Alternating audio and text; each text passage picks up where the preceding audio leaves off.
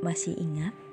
Yoyo, rumah-rumahan pasir, petak umpet, kubak sodor, dan mainan masa kecil anak 19-an lainnya. Permainan yang masih jauh dari kata serba gadget.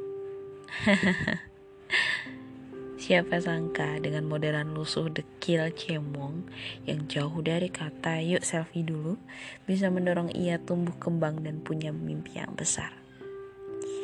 Ia sangat mudah mengucapkan cita-cita kelak besarnya ingin jadi apa.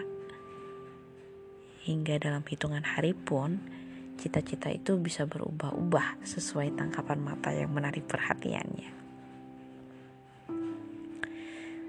5 sampai 12 tahun kemudian, si cemong yang tak beraturan sudah mengenal bagaimana eksistensi di dunia media sosial.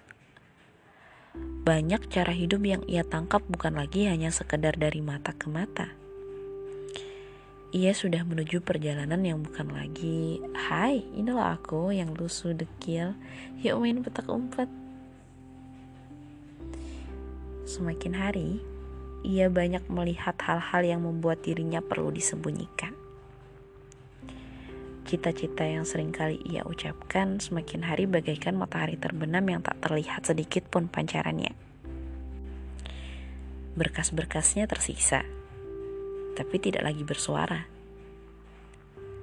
Banyak hal yang tersingkap tentang dirinya jadi memalukan, karena diri selalu membandingkan dengan orang lain. Penghakiman demi penghakiman membuat ia semakin memburuk. Seolah bagian terbaiknya tertutup oleh rasa malu, merasa tertinggal, merasa kecil atau bahkan merasa penuh luka. Hai Dekil, mau kembali ke masa ini lagi? Lanjut, jangan lagi tengok masa-masa cemongmu biarlah kau kehilangan sejuta hal nyaman yang selama ini mengelilingimu. Kau bukan lagi anak yang tiap main minta uang jajan buat beli gulali. Kau adalah ucapanmu yang dahulu.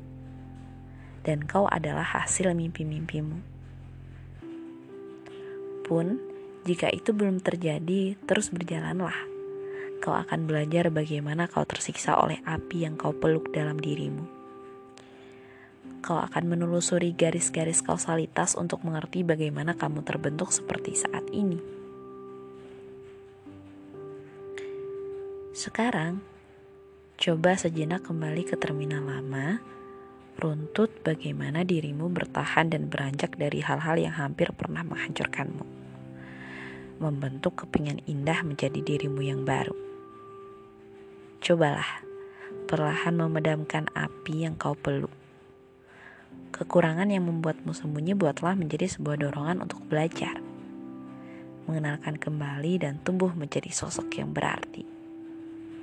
Tidak harus persis dengan cita-cita kecilmu. Setidaknya, kau tumbuh dengan tidak mengasihani diri.